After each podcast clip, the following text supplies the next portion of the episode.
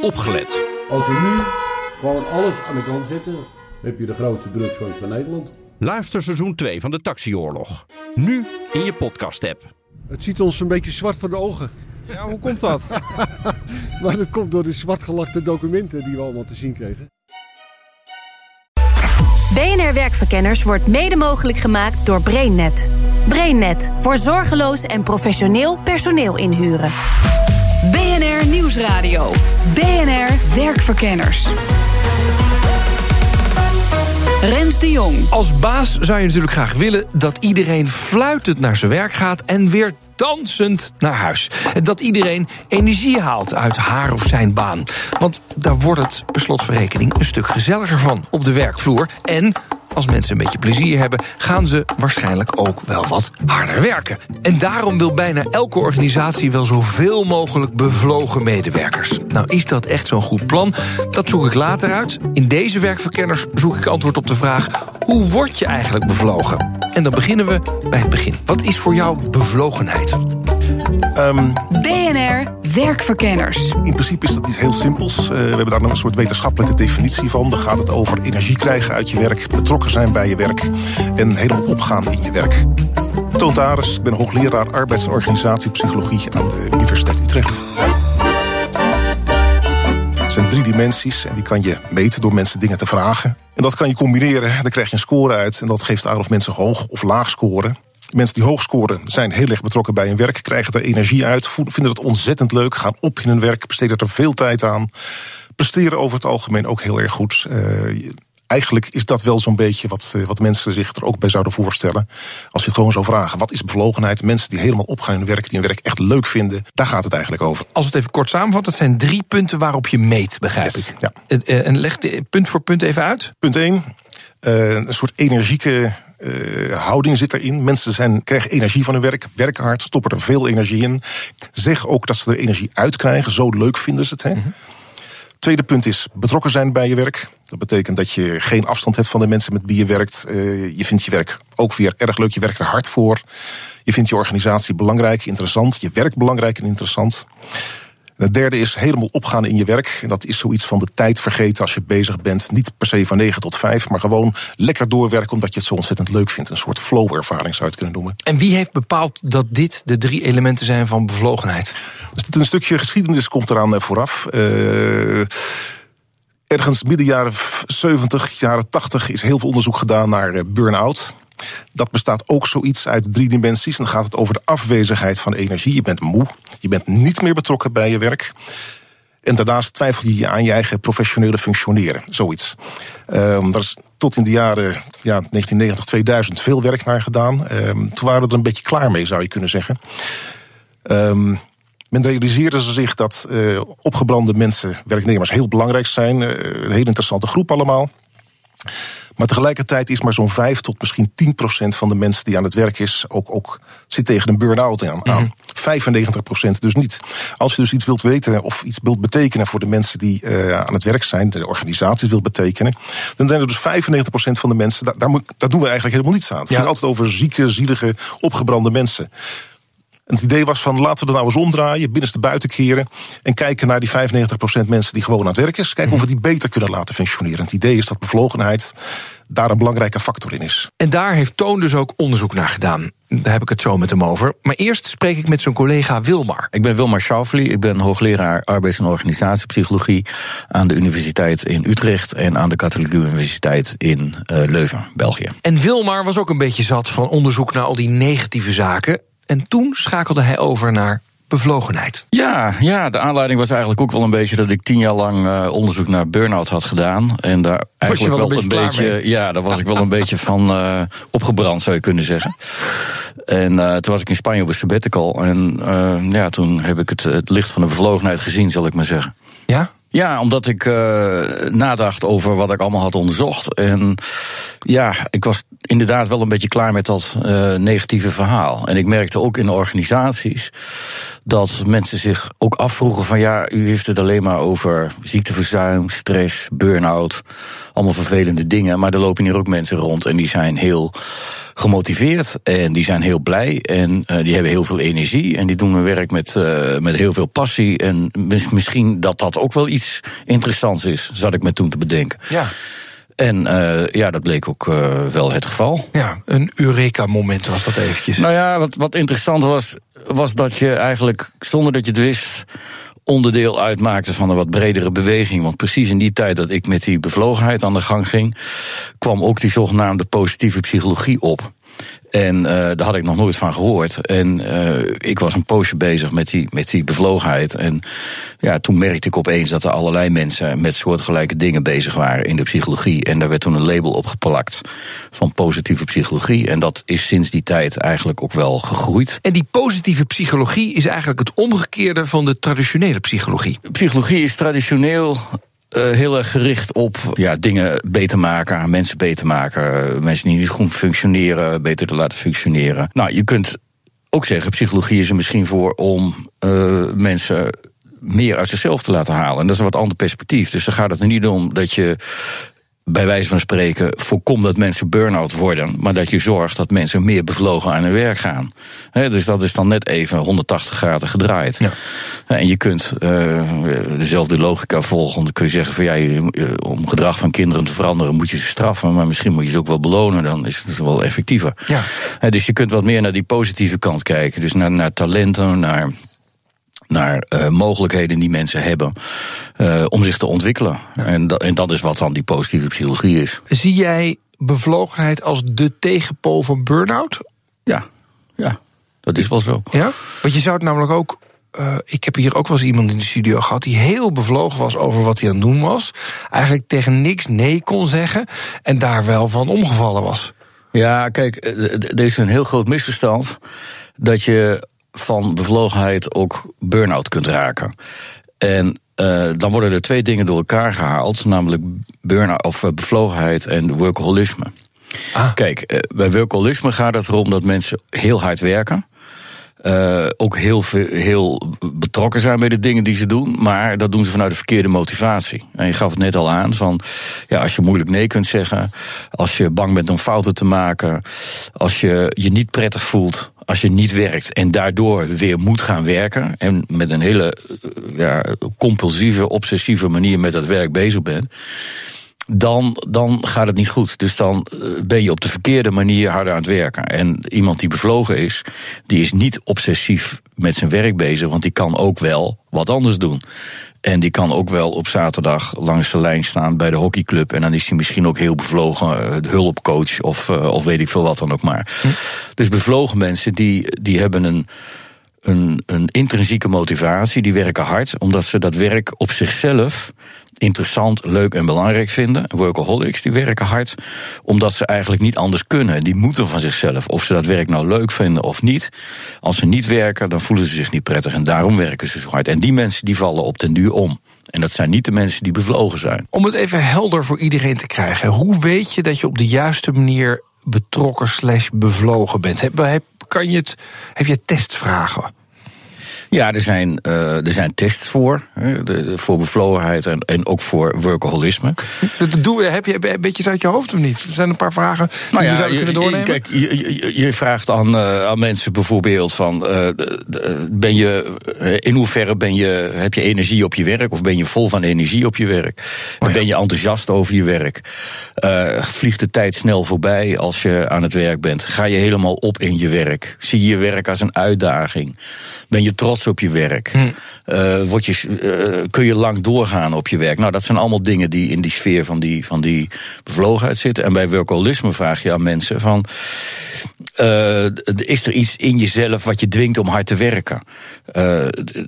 ik moet hard werken, maar wil het soms niet.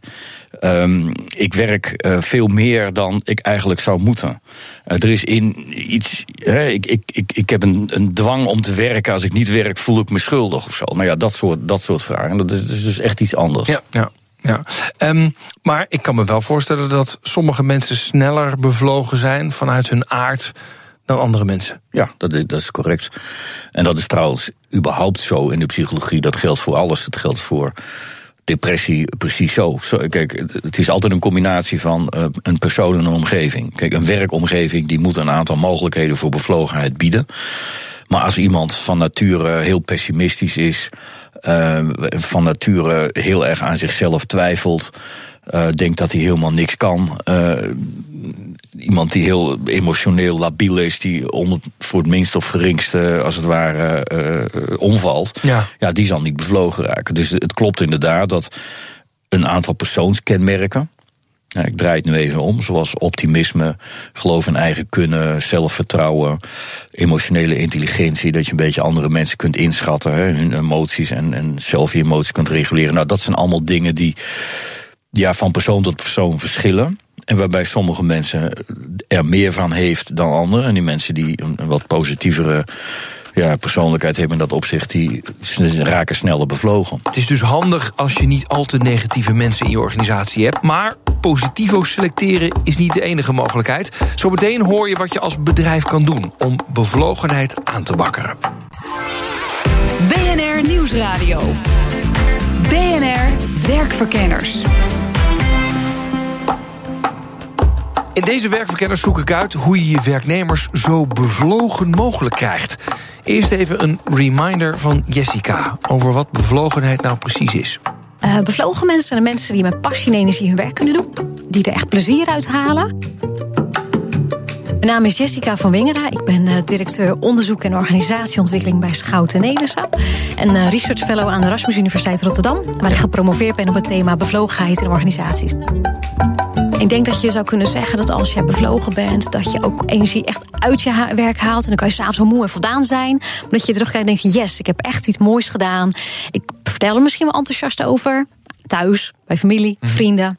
Ja, dus je haalt de energie uit. Je gaat soms ook een beetje op in je werk. En je bent toegewijd aan hetgeen wat je doet. Um, en, en, en hoe bevlogen zijn de mensen bij Schouten en Nelissen? Ja, dat varieert natuurlijk ook wel een beetje van week tot week. Maar ik kan zeggen behoorlijk bevlogen. Ja, ja. Meten jullie dat ook echt of niet? Ja, Oh, echt waar? Ja, zeker. Ja. ja. Hoe doen jullie dat?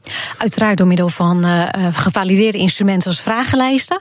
Maar daarnaast merk ik zelf als het ook belangrijk is om te kijken hoe mensen erbij zitten en lopen. En hoe enthousiast ze zijn in de baan. En of ze stralen bij wat ze doen. En of ze tevreden en blije klanten krijgen. Ja. Waarom heb je ooit besloten om te promoveren op bevlogenheid?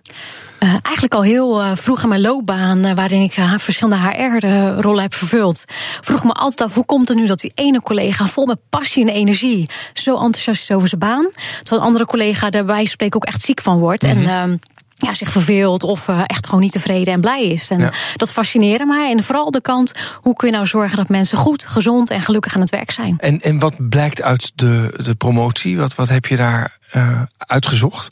Wat ik uh, onderzocht heb, is of je met gerichte interventies, dus programma's en trainingen, bevlogenheid in organisaties kunt versterken of vergroten. Mm -hmm. En? Dat kan. Ja, en hoe moet ik dat doen? nou, het mooiste is dat je ziet dat je eigenlijk op verschillende manieren mee aan de slag moet. Aan de ene kant kun je mensen trainen um, en heel bewust om weerbaarder, veerkrachtiger te maken. Mm -hmm. uh, maar mensen ook te laten zien uh, hoe kun je nou vanuit je passie en talent aan het werk zijn. En hoe hou je vooral ook die bevlogenheid vast. Mm -hmm. Dus niet alleen hoe ben je in je werk bezig, werk je vanuit je kracht en je talent. Doe je werk wat voor jou betekenisvol is. Maar ook wanneer werk je juist niet. Want een van de belangrijke ingrediënten is om bevlogen te blijven, dat je ook op tijd juist het werk weer loslaat. Mm -hmm. Dus dat je ontspant en ook buiten het werk ook andere dingen doet waarvan je geniet. Mm -hmm. En die combinatie van uh, mensen stimuleren om daarmee aan de slag te zijn, maar ook het leiderschap daarop aan laten sluiten. En Jessica heeft een aantal tips voor de leiders die hiermee aan de slag willen. Ik denk dat er een paar dingen zijn waar je naar kunt kijken. Dus ene kant van laat je mensen ook echt doen waar ze goed in zijn. Dus laat je vanuit hun kracht en sterktes werken. Um, Vroeger hadden we heel erg dichtgetimmerde functieprofielen met het idee, dit moet je doen. Gelukkig is dat niet meer wat de vraag is. Dus je kunt ook met elkaar zoeken, hoe kun je vanuit jouw talent en kracht ook bijdrage leveren in deze organisatie. Waarbij je ruimte kunt bieden om mensen daar vooral uh, op in te zetten. Dat was interventie 1. Ja. Interventie 2. Welke interventies werken nog meer? Uh, naast het stuk van inzetten vanuit kracht, is inderdaad heel erg mensen meenemen en laten zien. Wat is de, het hogere doel van je organisatie en hoe draag jij daar als individuele medewerker aan bij? Mhm. Dus mensen gewoon niet alleen vertellen, dit is een hoog oververhaal, maar heel concreet. Als jij vandaag naar de zaak komt, voor wie maak jij het verschil? Mhm. En hoe doe jij dat voor je klanten en collega's om mensen dat te laten zien en mensen daar erkenning en waardering voor te geven? Het hogere doel van de organisatie, dat soms zal ik hem heel plat maken of heel concreet maken? Als jij in het onderwijs werkt, dan gaat het niet over het schooljaarplan realiseren. Dan gaat het erover dat de kinderen in jouw klas zich optimaal kunnen ontwikkelen binnen hun mogelijkheden. En dat jij als docent letterlijk ziet dat kind maakt een stukje groei door. Ja. Door het feit dat jij in kunt spelen op die behoeftes. Maar weet je dit is wel weer een makkelijk voorbeeld van het onderwijs. Want daar zit heel helder zo'n purpose zitten in. Ja. Maar stel je voor, en daar wil ik niets afdoen aan eh, mensen die toiletpotten maken. Mhm. Ja. Maar weet je, het is even ander werk. Ja, er zijn heel veel voorbeelden van hele andere sectoren waar je precies dezelfde verbinding eigenlijk en het hogere doel kunt vinden. Kijk bijvoorbeeld in de techniek.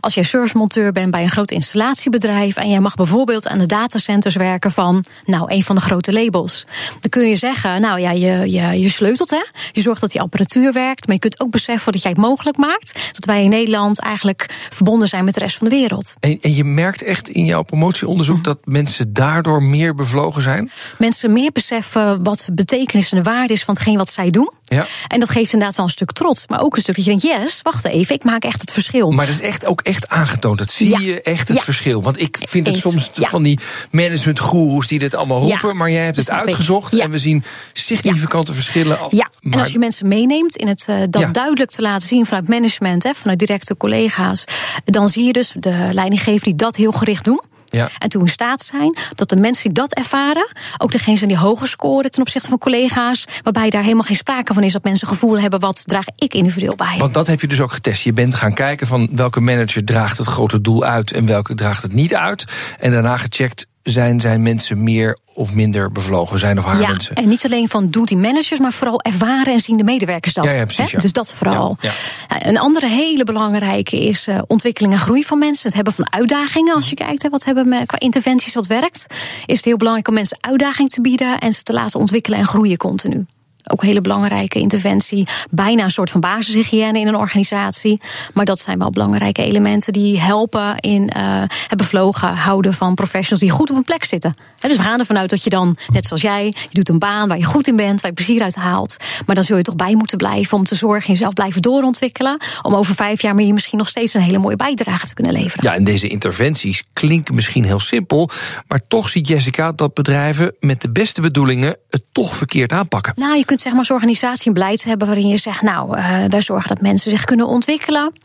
Zorgen dat mensen veel autonomie hebben. Hè, Als even als voorbeeld van de resourceskant. En heel veel nieuwe projecten kunnen doen. Ja, Nou, dan zou je papier gezien zou je zeggen. ziet er goed uit. Fantastisch, ziet er goed uit. Ja. Maar jij bent eh, nieuw in het bedrijf en je bent eh, 23 jaar en je start daar. En dan denk je, ja, leuk die autonomie. Maar help, ik wil eigenlijk gewoon begeleiding hebben. Mhm. En eigenlijk zou ik wel iemand willen hebben die mij een beetje sturing geeft om mij uit te leggen wat ik moet doen. In de plaats van dat ze zeggen: kijk eens een nieuw project. Lekker veel autonomie. Gaan we lekker aan de slag. En over de maand of twee krijgen we van jou het eindproduct. Ja. Hè, dan sluit zeg maar die basisset van uitdagingen, autonomie, ontwikkelmogelijkheden niet aan op die nieuwe medewerker die eigenlijk structuur, sturing en steun zoekt. Jeetje, dus dat is ja, het, eh, op elk individu moet je toch alweer een beetje aanpassen. 100%. Ja, Ja, wat dat werk zeg. ja dat, heet, dat heet dan manager vaak of leiding geven. Ja, Ja. ja maar dat is, dat is werk inderdaad. En bevlogenheid is dus ook niet vanzelfsprekend. Nee, nee. En, en je kunt daar als manager heel veel eh, eh, in beïnvloeden. Heel veel. Kun je er ook heel veel in verpesten? Enorm veel. Ja, ja, ik denk dat als je kijkt waar mensen niet bevlogen zijn, dat er veel oorzaken te vinden zijn in het gedrag van hun leidinggevende. Vertel. Bijvoorbeeld het voorbeeld van de net. Je bent die medewerker, jij zoekt support en je, je wil eigenlijk wat meer sturing en begeleiding ontvangen. En op het moment dat jouw leidinggevende zegt, nou kijk, je bent een academie, hè, je bent hoog opgeleid, dus je hebt je master op zak. Eh, ik verwacht wel van jou dat jij het gewoon zelf doet. En sterker nog, joh, je bent lekker bezig en nog drie projecten erbij. Dus als je leidinggevende geen oog heeft voor die behoeften.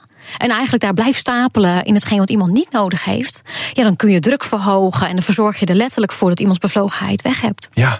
Kan ook andersom. Ehm, je bent een heel ervaren professional. Uh, je draait al flink wat jaren mee.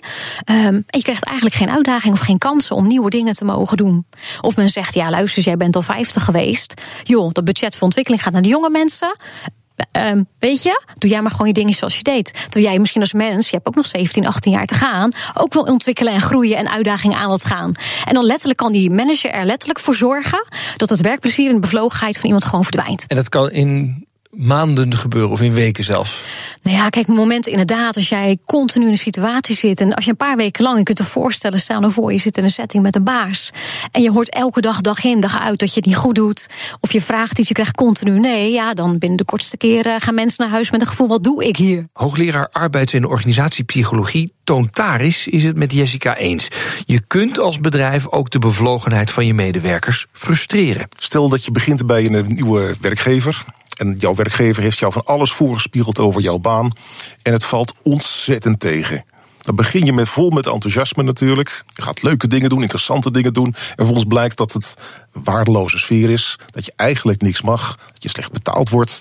Werkdruk extreem hoog. Ja, dan, dan zakt dat snel in Mhm. natuurlijk. Dus dat kan je fout doen. Geen realistisch beeld geven van wat je aan het doen bent. Of wat je gaat doen als werknemer. Dat zou een ding kunnen zijn. Het kan, zoiets kan ook later uh, gaan ontstaan. Je begint enthousiast, het gaat hartstikke goed. Maar je merkt dat je niet kunt doorgroeien. Dat er geen ruimte is voor nieuwe ideeën om, om ja, jezelf te ontplooien, te groeien in je werk. Krijg je dit soort factoren dat die, die een rol gaan spelen. Dus het, het kan op heel veel manieren kan het fout gaan. Je kunt het ook omdraaien. Het kan ook op heel veel momenten goed gaan natuurlijk. Mensen beginnen vol enthousiasme aan een baan. Hartstikke mooi allemaal. Ze doen hun werk goed. Je geeft ze meer ruimte. Ze raken meer bevlogen. Gaan beter presteren. Ja, dan, dan, dan gaat het de andere kant op. Dus dat soort zaken kan je allemaal uh, proberen te sleutelen. Nou, zit ik dit even te bekijken vanuit een perspectief van een baas, een ondernemer of een werkgever. Hoe kun je ervoor zorgen dat mensen meer bevlogenheid krijgen op het werk of voor het werk? Nou, we weten dat bevlogenheid samenhangt met een aantal, uh, ja, doe het maar bevorderende factoren. Eén daarvan is het soort werk dat je doet. Uh, als jij leuk werk hebt, interessant werk hebt, uh, bijvoorbeeld in staat bent om min of meer zelf te bepalen wat jij doet, hoe je dingen doet, uh, wat, wanneer je doet, dus een zekere mate van regelmogelijkheden hebt zelf, zeg maar, dan is dat een belangrijke ja, factor die ervoor zorgt dat mensen meer bevlogen zijn. Mm -hmm. Ervaren mensen een prettige werksfeer, hebben ze veel sociale steun, kunnen ze goed omgaan met hun collega's, prettige sfeer, helpen ze elkaar. Weer zo'n factor die ervoor zorgt dat mensen over het algemeen wat hoger scoren dan op bevlogenheid dan anders. Ja. Dus dat soort factoren telt mee. Maar dat ja. heeft heel erg met autonomie te maken, toch? Ja, dit is autonomie in principe. Ja, ja. Ja, ja, Zelf je eigen werk bepalen, je eigen doelen bepalen, de manier waarop je werkt. Dat zijn dingen die mensen heel fijn vinden. En waar ze ook sterk op reageren. Dus. Ja, maar dan lijkt het me soms uh, uh, niets te nadelen van de mensen die in de fabriek uh, van de koekjes werken. Maar dan lijkt me dat best lastig. Ja. Toch? Dat, dat, dat zou last, heel lastig kunnen zijn. Maar tegelijkertijd, die mensen die in die fabriek, in die koekjesfabriek staan te bakken. dat zijn wel misschien mensen die hele fijne collega's hebben. En daar kan je ook bevlogen van raken, mm. natuurlijk. Ja. Dus in die zin, er is altijd wel wat wat positief zou kunnen zijn. Maar ik geef toe bepaalde soorten banen, creatieve banen bijvoorbeeld. Het werk aan de universiteit, dat leent zich toch wel vaak wat beter om, om heel fijn uh, te voelen, om heel bevlogen te zijn dan wat meer ja, standaardwerk zou je kunnen zeggen, lopende bandwerk. En collega-hoogleraar Wilmer Schauferly is het wel met hem eens. In een uitdagende baan raak je sneller bevlogen, maar... Dat wil niet zeggen dat je ook niet bevlogen kunt zijn als je bij wijze van spreken aan de lopende band werkt. Hmm. We hebben dus een keer een project gedaan bij een, een, een, een Nederlandse fietsenfabriek, waar mensen inderdaad aan de lopende band fietsen aan de assembleren waren. En daar hadden ze het idee om uh, de, de voorraad oude fietsen waar een krasje op zat, die moesten weg. Want dat is allemaal duur, die stonden daar in een loods. Hadden ze het idee van, nou, die kunnen we weggeven aan asielzoekers. Gaan we naar een asielzoekerscentrum met een bus. Gaan we die fietsen voor niks. Uh, gaan we uitdelen. En we, bieden dan een servicecontract aan die mensen aan enzovoort. Nou, het interessante was wat ze deden. Was die mensen die aan de lopende band stonden, die hebben dat gedaan. Dus die gingen op een, op een vrije dag gingen die naar Groningen uh, uh, met de bus. Met die fietsen. En wat bleek, dat hebben wij ook gemeten toen. Dat had een positief effect op hun bevlogenheid. Want die, dat betekende eigenlijk wat je doet, is dat je geeft die mensen een idee dat hun werk betekenisvol is. Mm -hmm. Het is nu niet meer van je draait een een schroefje aan een nippeltje van een fiets. Maar je hebt daar nu het idee bij dat je daar mensen gelukkig mee kunt maken. Een glimlach op het gezicht enzovoort. Dus de betekenis van, van hun werk, dat was plotseling anders. Hmm. De, en de, dat wil dus zeggen dat als je wat, wat creatiever bent. je ook bij mensen die, waar je het misschien helemaal niet verwacht, wat meer zeg maar, bevlogenheid, passie, arbeidsvreugde kunt, kunt uh, bewerkstelligen. Je zou dus in iedere baan mensen bevlogen kunnen maken. Dat is het goede nieuws. Maar de vraag is: moeten we dat eigenlijk wel willen? Want er is ook steeds meer aandacht voor de mindere kanten van bevlogenheid. In eerste instantie is het altijd prachtig, mooi, interessant, positief, fantastisch. Na verloop van tijd zie je dan dat het een beetje inkakt, dat mensen ook gaan zeggen: wacht eens even. Het lijkt wel heel positief, maar er zitten wel wat nadelen aan. En dan krijg je dat soort onderzoek. En dat onderzoek, daar hebben we het de volgende keer over. Tot die tijd, als je bevlogen bent over werkverkenners, kun je onze afleveringen terugluisteren via Spotify, iTunes en de BNR-app. En ben je heel bevlogen? Laat dan ook een review achter. Dan kunnen de andere mensen ons makkelijker vinden. Bedankt alvast. Tot de volgende keer. BNR Werkverkenners wordt mede mogelijk gemaakt door BrainNet. BrainNet voor zorgeloos en professioneel personeel inhuren. Ook Thomas van Zeil vind je in de BNR-app. Je kunt live naar mij luisteren in Zaken doen. De BNR-app met breaking news, het laatste zakelijke nieuws... en je vindt er alle BNR-podcasts, bijvoorbeeld Het Nieuwe Geld. Download nu de gratis BNR-app en blijf scherp.